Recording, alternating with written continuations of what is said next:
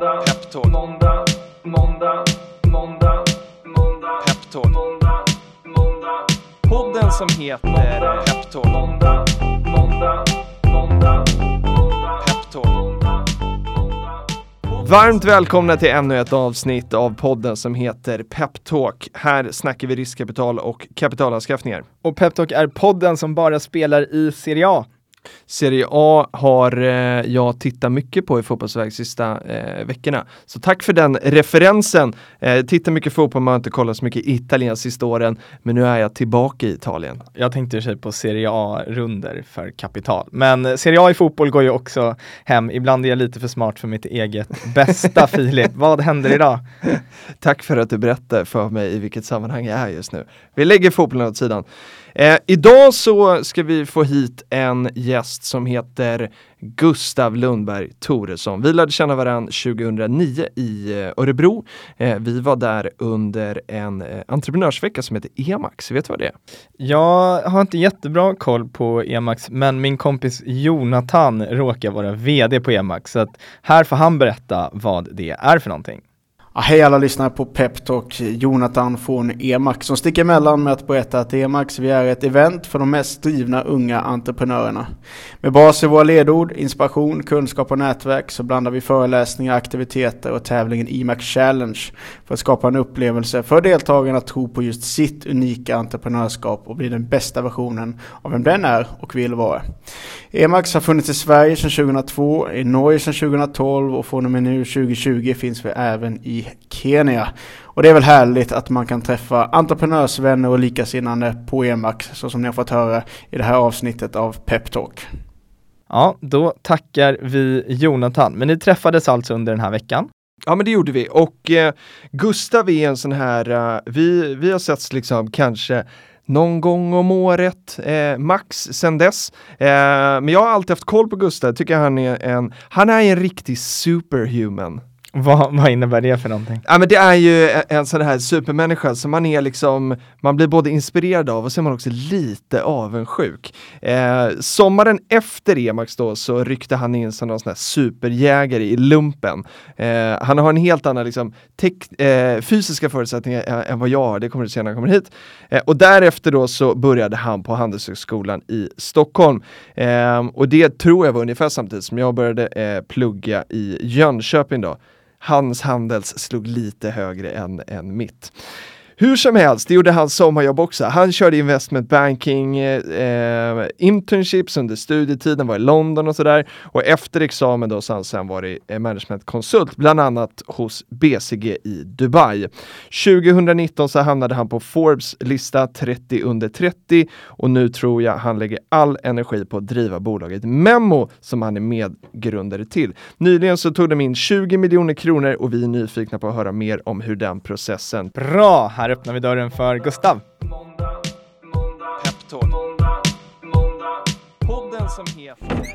Och då välkomnar vi Gustav Lundberg Thoresson in i studion. Hur är läget med dig idag? Tack så jättemycket. Det är bra. Jag, eh, vi var ute och firade lite med teamet igår, mm -hmm. så det har inte hänt så mycket här på förmiddagen, men det är bra. Ja. Vad Kul firar vi för någonting med teamet?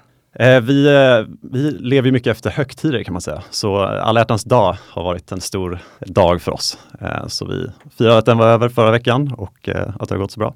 Häftigt alltså. Mm. Var, det, var det bara liksom kärleksmemo som, som rullade på alla hjärtans dag eller kom, kom det några tokmemos också?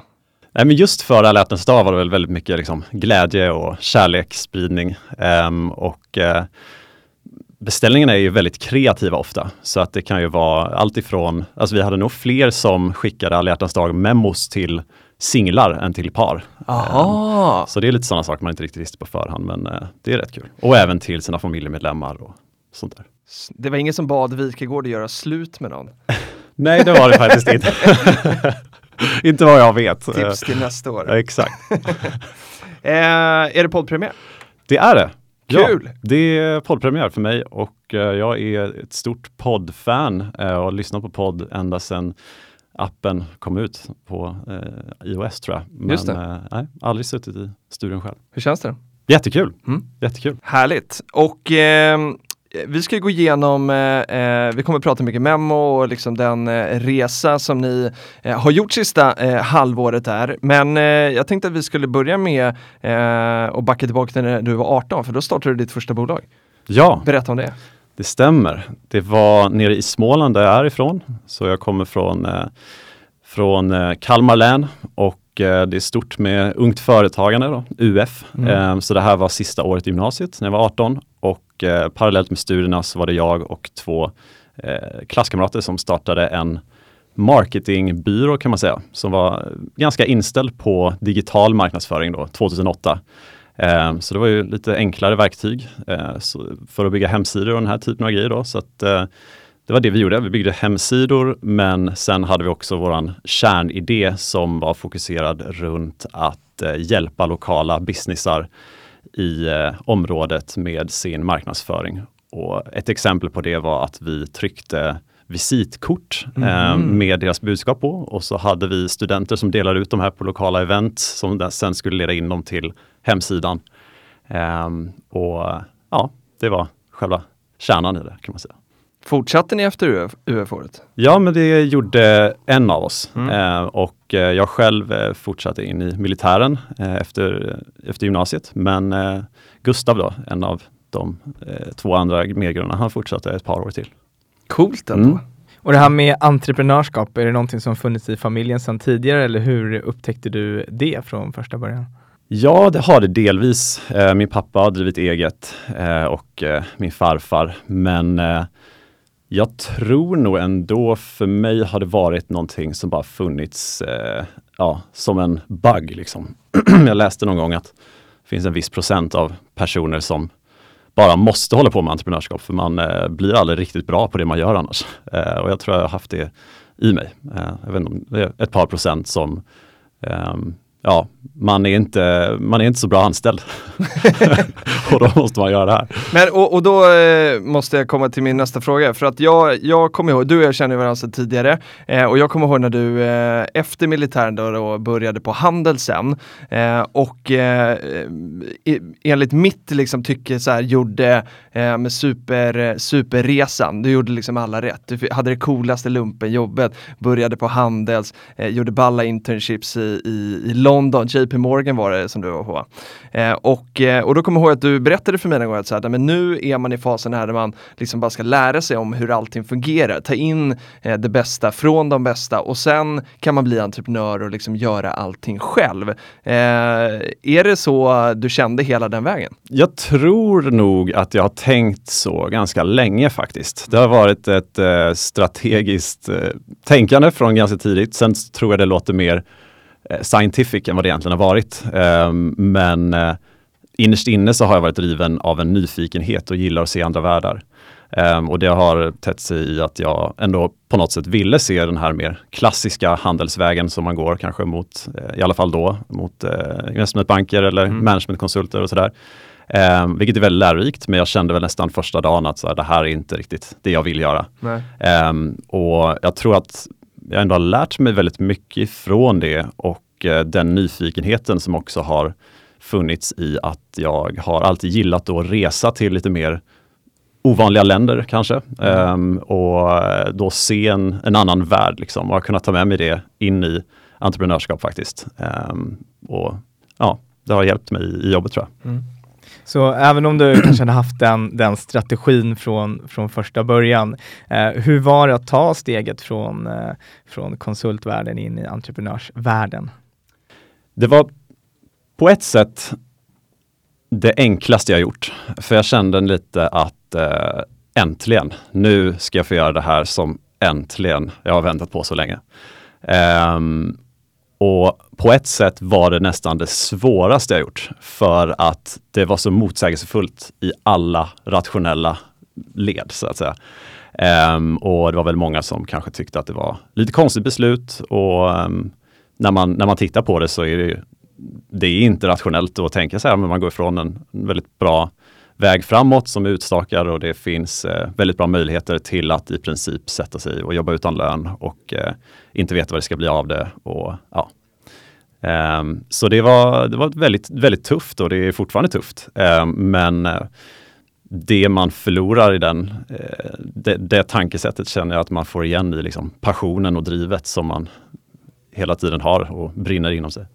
Men är eh, det, ehm, eh, hur känner du liksom när, när, när, man då hoppar av den här utstakade vägen och den the safe way som, som är, är på många sätt väldigt bra och tuff. Eh, känner du att när man hoppar av ett sånt spår för att bli egen, stänger man dörren då till, eh, till den här eh, vanliga vägen eller kan man ångra sig och komma tillbaka? Det tror jag absolut man kan, eh, men jag tror det är svårt. Ehm, och mest svårt för en själv tror jag. Jag tror att har man en gång, om man nu är den här typen av person som verkligen eh, måste hålla på med entreprenörskap för att man blir lite galen annars, då tror jag det är väldigt svårt sen att veta hur det är mm. och inte göra det. Um, så av den anledningen tror jag att det kan vara svårt för många. Um, men sen såklart, det är, jag, vet, jag har flera exempel på, på kompisar som har gått tillbaka och, och tagit en anställning och, och, trivs jättebra med det och gör sitt jobb superbra mm. och uh, de älskar det. Så att uh, jag tror inte det finns någon stängd dörr där egentligen. Nej. Men däremot så tror jag man märker själv hur, hur bra man blir på sitt jobb och hur väl man trivs. Och det kommer nog mer inifrån. Men och, och, det fina med entreprenörskapet då, den här sötman som man har svårt kanske att släppa sen när man har fått känna på den. Vad, om du skulle beskriva den, vad, vad består den av för delar? Inom entreprenörskap, både liksom ja, sötman och... Ja, ja, men jag tänker det. Ja, men precis. Vad, vad är det, om man en gång har fått uppleva, är det liksom friheten eller liksom eh, eh, det läskiga i att vara sin egen, att inte ha en chef? Liksom. Vilka beståndsdelar som, som gör att det kan vara svårt att släppa det sen? Jag tror nog att eh, det delas egentligen i Nummer ett för mig så är det nog utvecklingsmässigt. Att mm. det blir, allting blir så verkligt. Um, det finns inga, eh, vad ska man säga, det finns inga eh, safe havens längre eh, där man kan testa saker utan allt du gör blir skarp verklighet. Mm. Eh, och det gör också att du tar allting ganska mycket mer allvar känner jag. Mm. Um, och du lär dig också mer på kortare tid. Eh, så utvecklingskurvan eh, väldigt brant eh, hela tiden och slutar aldrig vara det känner jag nästan. Ehm, och det andra är väl att det blir i princip ditt liv så att du blandar ihop entreprenörskapet med ditt liv. Den, det tar aldrig slut. Mm. Även på helgen, även om du är ledig och är på semester eller på helgen så är det på något sätt du. Ehm, det är inte längre du och ditt jobb utan det är bara du. Mm. och det är väl det som passar vissa inte alls. Um, och jag, eh, jag kan väl ibland känna att det är så här, det är också utmanande. Mm. Men uh, för det mesta så tror jag att det är det som får uh, de flesta entreprenörer verkligen gå igång på det. Mm. Och ditt entreprenörskap har ju bland annat lett fram till bolaget Memo. Eh, jag skulle kunna berätta lite om, om vad ni gör och vilka ni är, förutom att ni firar alla dag. Ja, precis. Um, så alla hjärtans dag är, det är våran Black Friday. Kan man säga. eh, nej, men Memo är en marknadsplats för eh, personliga videomeddelanden från offentliga kända profiler till privatpersoner. Eh, så vi har en hemsida, www.memo.me, ME, och där kan man gå in och bläddra bland en rad eh, kända profiler och och eh, då tillsammans med dem skapa ett videomeddelande. Så man skriver in eh, vad man vill att de ska säga eller om de bara ska freestyla. Eh, och sen så betalar man ett pris som de har satt på det här och så reserveras beloppet och eh, de har sju dagar på sig att svara. Och svarar de inte eller om de av någon anledning eh, nekar din förfrågan så går pengarna tillbaka till dig. Så levereras det som en video till dig på mail och sms. Och vad kom eh, idén till det här? Så idén kommer egentligen från ganska långt tillbaka så har jag varit väldigt fascinerad över den här dragningskraften mellan privatpersoner och eh, kända profiler och hur mycket energi som skapas vid konserter och eh, ja, när det bara är ett event till exempel som Oscarsgalan och hur mycket uppståndelse det är runt det. Och när man själv har träffat en, en, eh, en framgångsrik person och blivit väldigt inspirerad av. Så att fröet har alltid funnits där och jag har alltid undrat lite hur man kan jobba med det här på olika sätt. Um, och så har jag varit, eh, jag har en bakgrund inom att jobba mycket med tech och mycket med media och sådär. Eh, men man kan säga att idén blev konkret eh, nu i somras när jag var nere i Frankrike på ett eh, bröllop där brudgummen var fransman. Och han fick en sån här videohälsning då från en fransk eh, fotbollsspelare som jag inte hade någon aning om vem det var. Mm. Men uppenbarligen hade den franska delen av eh, middagen då det. Så stämningen gick från ganska normal bröllopsmiddagsstämning till att bli helt magnetisk. Eh, och jag förstod liksom ingenting. Jag har sett den här typen av videohälsningar förut och man vet att det har en väldigt härlig effekt på folk. Eh, och där var det verkligen så tydligt. Um, så jag, jag kände att jag måste bara prata med den här personen som har löst det här och, och sett till så det blev någon. Mm. Och, uh, och så pratade jag med henne och förstod att det var en väldigt svår process. Det var väldigt liksom, svårt att få tag i personen. Det var mejlande fram och tillbaka i ett par veckor med en agent och, och fick videon kvällen innan och då insåg jag liksom hur nära det var att det här aldrig hade hänt. Liksom, att det verkligen det här, det här lyftet. Um, och där och då så insåg jag att det, det, finns, det finns verkligen någonting här och uh, det är väldigt många som vill ha de här videorna. Men det är ganska lågt prioriterat hos många att göra videorna och det är någonting däremellan som måste fixas. Men tror du att det elektriska som liksom händer när man får en sån där hälsning, tror du att det finns någon faktor i det av att det är så svårt att få tag på dem och att man marginaliserar det av att så här, nu kan vem som helst köpa? Jag tror att det kan finnas en viss eh, aspekt i det, men jag tror också att det viktiga är att man måste komma ihåg hur svårt det är för de flesta och att det hänger väldigt mycket på vem man känner mm. och var man är och var man står. Och då blir det ofta ganska orättvist kan man säga. Det har man kontakterna så går det, men eh, de allra flesta har inte det. Liksom. Och hur ser, hur ser liksom affärsmodellen ut för, för Memo? Så vi har eh, en och samma eh, procent för alla eh, profiler då, och det är 75 procent. Eh, och det är någonting vi har varit eh, tydliga med från början och haft liksom i vår värdegrund att transparens är ja, en av våra värdegrunder och hörnstenar och det det är i många branscher, som i musikbranschen, som man kanske inte får betalt för sitt gig eller eh, ja, det är efterskottsbetalningar och sådär. Men vi har varit eh, väldigt eh, väldigt tydliga med från början att vi vill vara fullt transparenta, transparenta och man ska inte behöva göra specialdealar med någon. Utan, ja. Tydliga prislistor. Ja. Så de, de tjänar 75 och ni 25 då. Och prissättningen, för när man är inne och tittar då, så den är ju lite olika. Är det, sätter de sitt eget pris då? Ja, precis. Så att eh, hemsidan är ju till för kunder då. Mm. Ehm, och eh, profilerna har en app på telefonen. Mm. Och i appen så kan man ändra sitt pris. Eh, så det gör man bara med ett knapptryck. Det är lite kul att se hur, eh, hur kändisar skattar sig själva. det är, man undrar om man, har liksom, eh, om man har räknat på det och gjort sådana här eh, priselasticiteter och allt vad det nu skulle kunna vara. Eh, man tänker nog inte så långt. Det var en stor range i alla fall. Vad, vad sa vi? Från 2021 till 5 kronor. Ja, precis. Och vi eh, vi försöker få profilerna att inte fokusera så mycket på priset egentligen utan istället optimera för hur många memos man vill göra i mm. veckan och så låter man det ah, okay. eh, styra. Så att mm. priset finns där av många anledningar och eh, en av de största är väl att eh, många av profilerna får ju de blir eh, överösta med förfrågningar på DMs och på e-mail och kommer från alla möjliga håll. Men eh, det kan variera rätt mycket i seriositet så att mm. man får en viss tröskel för att det verkligen blir en bra förfrågan, den kommer på ett bra format eh, och det filtrerar ut lite mer oseriösa requests då. Och ehm, eh, det här priset gör ju också att man kan säga till exempel, ah, men jag, jag vill göra fyra eller fem i veckan och då eh, börjar med det här priset, ja, men då får man in tio, men så höjer jag lite till, ja, men då blir det fem ungefär. Så att man försöker optimera det efter hur mm. många vi vill få in. Snyggt!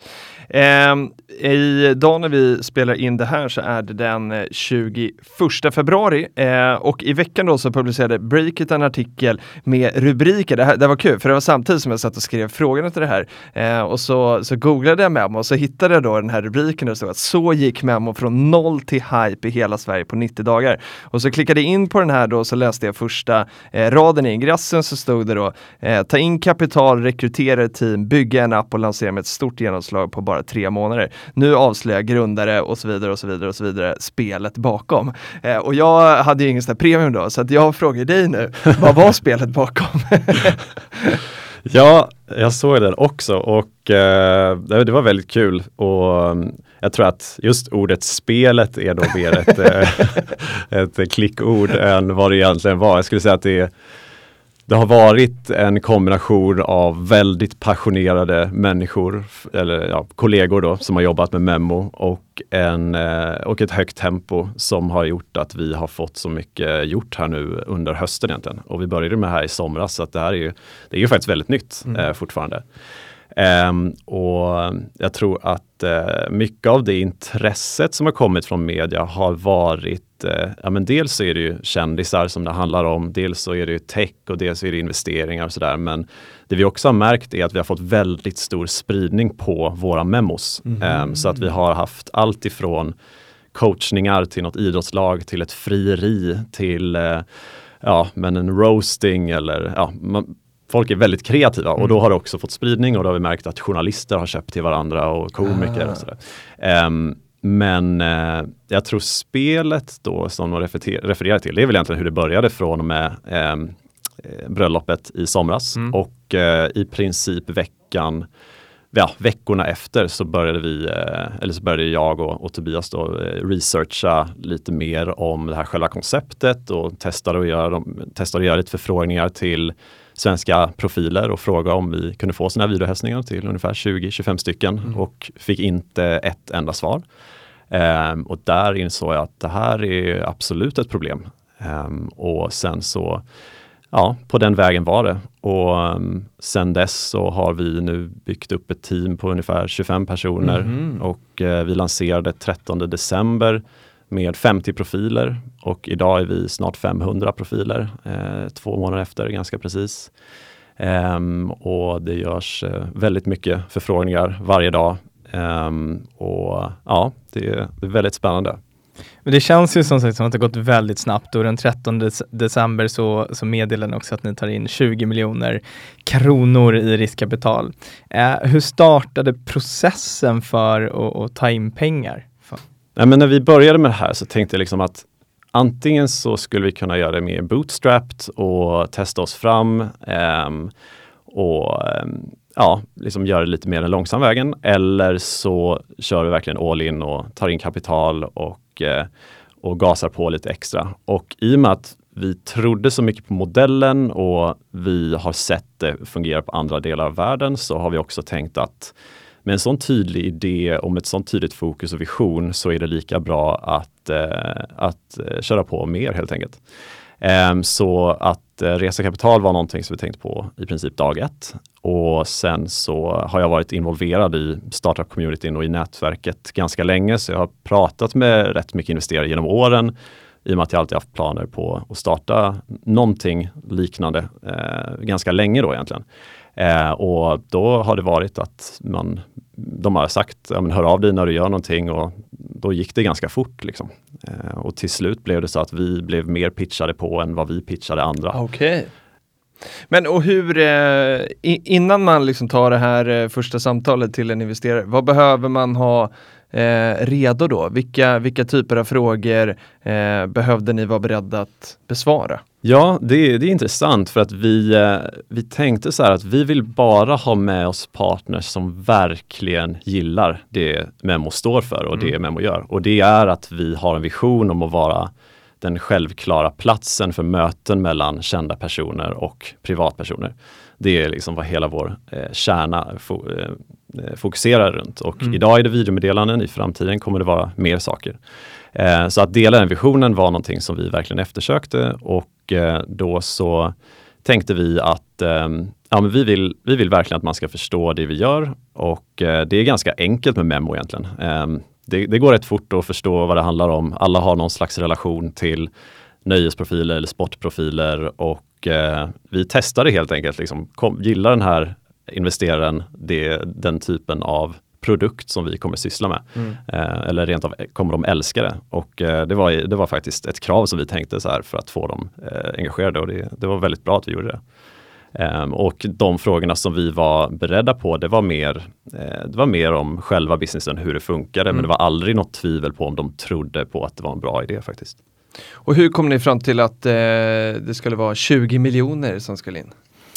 Ja, men vi tänkte från början att eh, vi vill ha en tillräcklig summa för att ta oss till liksom, menings, eh, meningsfull traction eh, i Sverige och eh, i, i, fler marknader. Mm. Och eh, då tänkte vi att eh, den siffran kommer vara det vi tror. För att vara en riktigt seriös aktör så kommer vi behöva ligga där omkring. Ehm, och det är ju någonting som, som kommer få oss att, kunna hålla oss kvar rätt länge. Eh, så nu kan vi fokusera på businessen i lugn och ro. Annars är det vanligt att man i princip behöver gå ut och resa kapital direkt efter. Mm. Eh, men det var det vi tänkte att det vill vi inte göra, vi vill kunna fokusera på att göra businessen riktigt bra från början.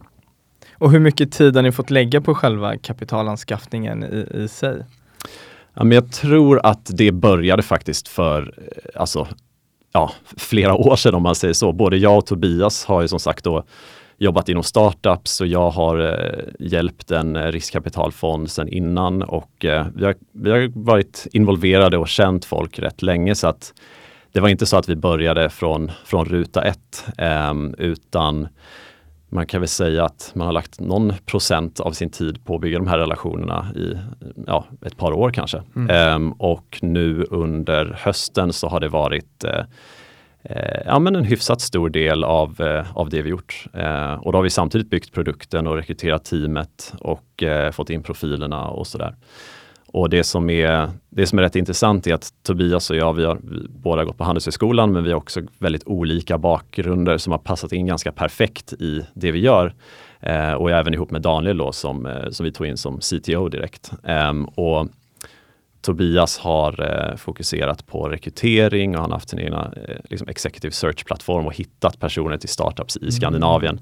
Eh, och även jobbat med operations på Budbee och Volt. Medan jag varit mer fokuserad på sales och strategi och eh, kapitalresning och, och jobbat med det i en hel del projekt innan. Eh, både inom startups men även eh, bolag som har hjälpt startups. Hur, eh, hur tänker man kring eh, värdering då? För att eh, när man ska ta in pengar så, så måste det finnas ett pris för investerarna. Hur, eh, hur tänkte ni där? Ja, det var ju en, eh, det blir alltid en diskussion och jag tror att det, det bottnar väl mycket i vad tror man om teamet? Eh, vad har de gjort innan? Hur relevant är deras bakgrund?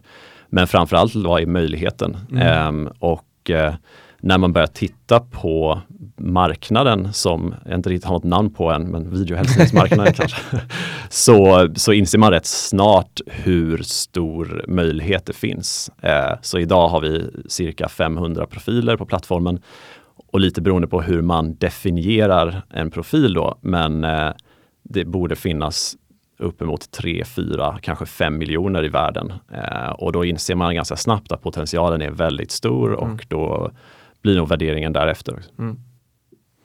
Spännande alltså. Eh, finns det delar av det här som, för nu sa du att ni har lite olika bakgrunder liksom i grunden och så, eh, men, men jag tänker att det är ganska mycket juridik också när man ska eh, ta in investerare, om det är aktieägaravtal och sådana här saker. Hur har ni hanterat det? Har ni klarat det själva eller har ni fått liksom ta in hjälp? Och, Nej, vi har, eh, vi har tagit in hjälp Mm. med, eh, med det juridiska och eh, sen så har vi kunnat lösa rätt mycket själva eh, för att eh, vi har både varit involverade i, i liknande processer förut och man ser ju samma saker Mm. eh, komma tillbaka och sen så har vi även kompisar som har hjälpt oss. Men eh, jag skulle nog verkligen rekommendera att man, eh, att man har juridiska, speciellt om man är investerare från flera olika länder och Mm. det ska vara mycket som stämmer överens.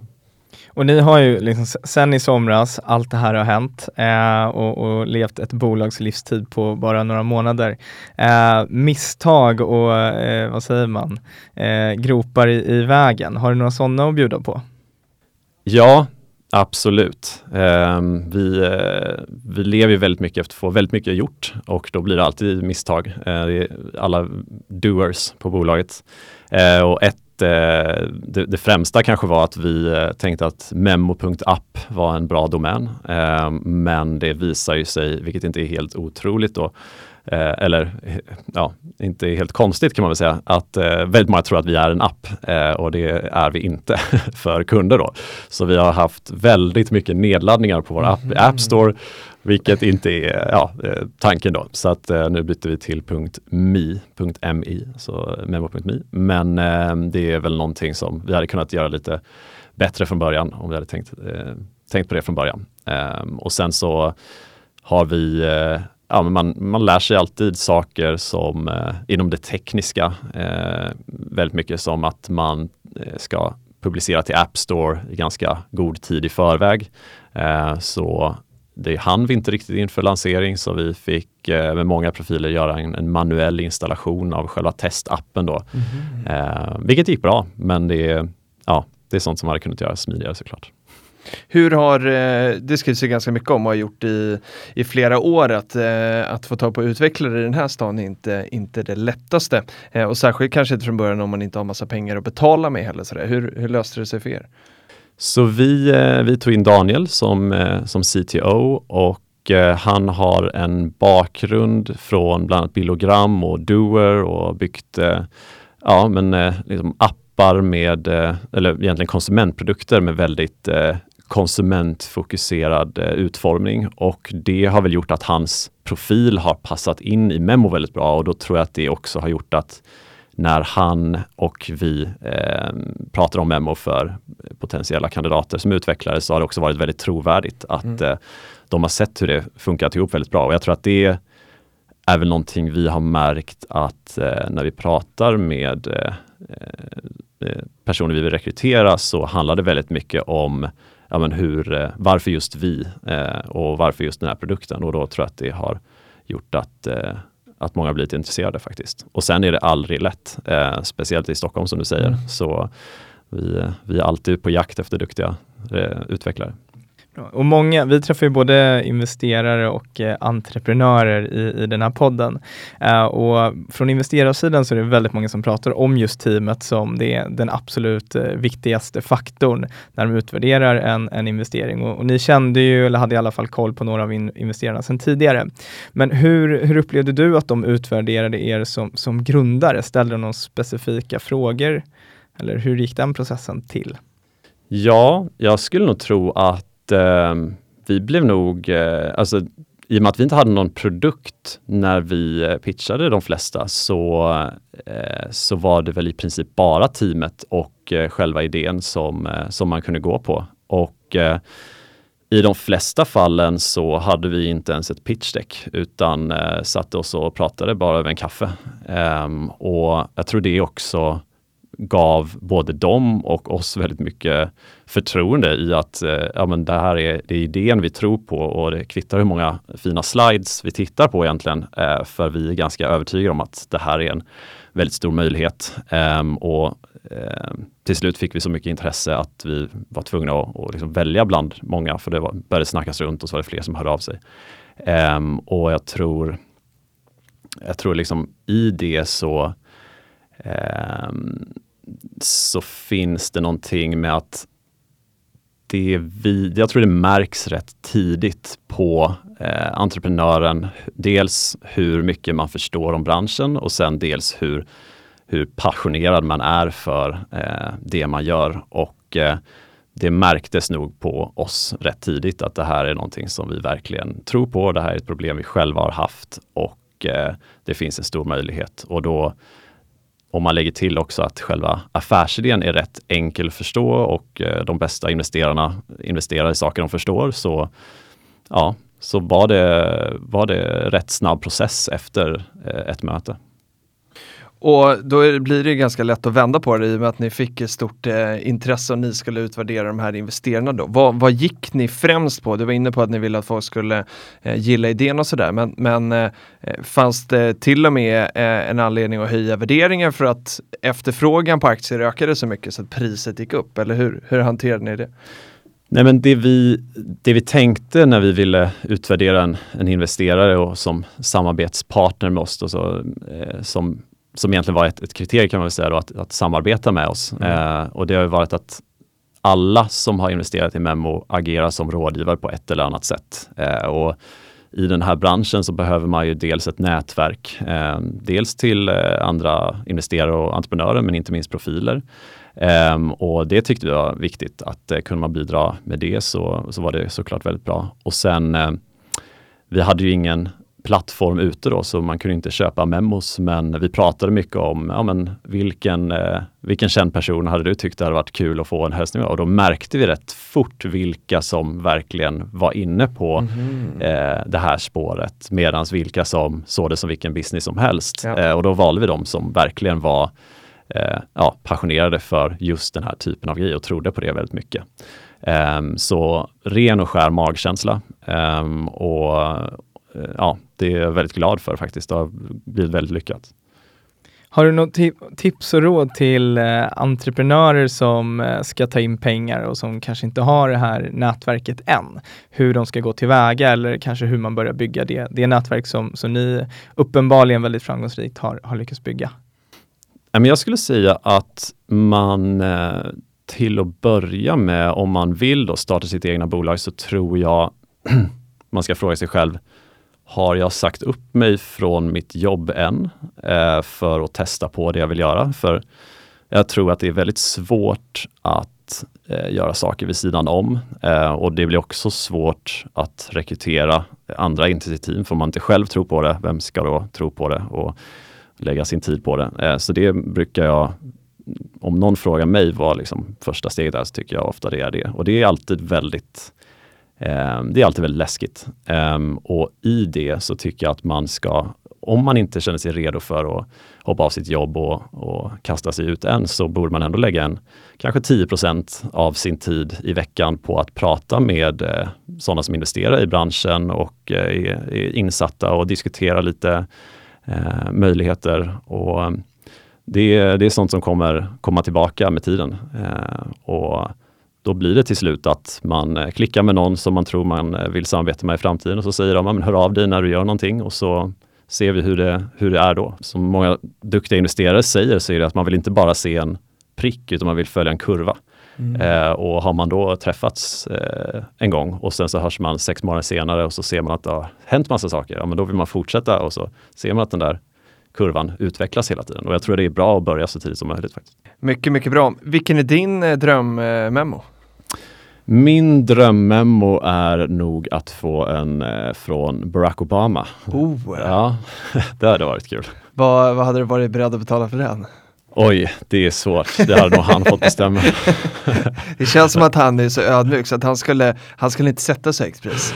Nej, det är möjligt. Då hade han kanske fått stänga av eh, att han är tillgänglig efter ganska kort tag. Men eh, det finns ju en funktion för det också. Man kan ju finnas med och säga, men jag vill bara göra tio i veckan. Eller jag vill göra hundra inför den här välgörenhetsskalan till exempel. Man kan skänka till välgörenhet också. Ah, okay. Ja, mm. så det, det är också eh, vissa som väljer att göra. Mm. Så ja, i det fallet hade det varit, kunnat vara något kul. Han var ju här i somras. Så, exakt, mm. exakt. Så Barack Obama, om du lyssnar på det här, eh, ta kontakt med Memo.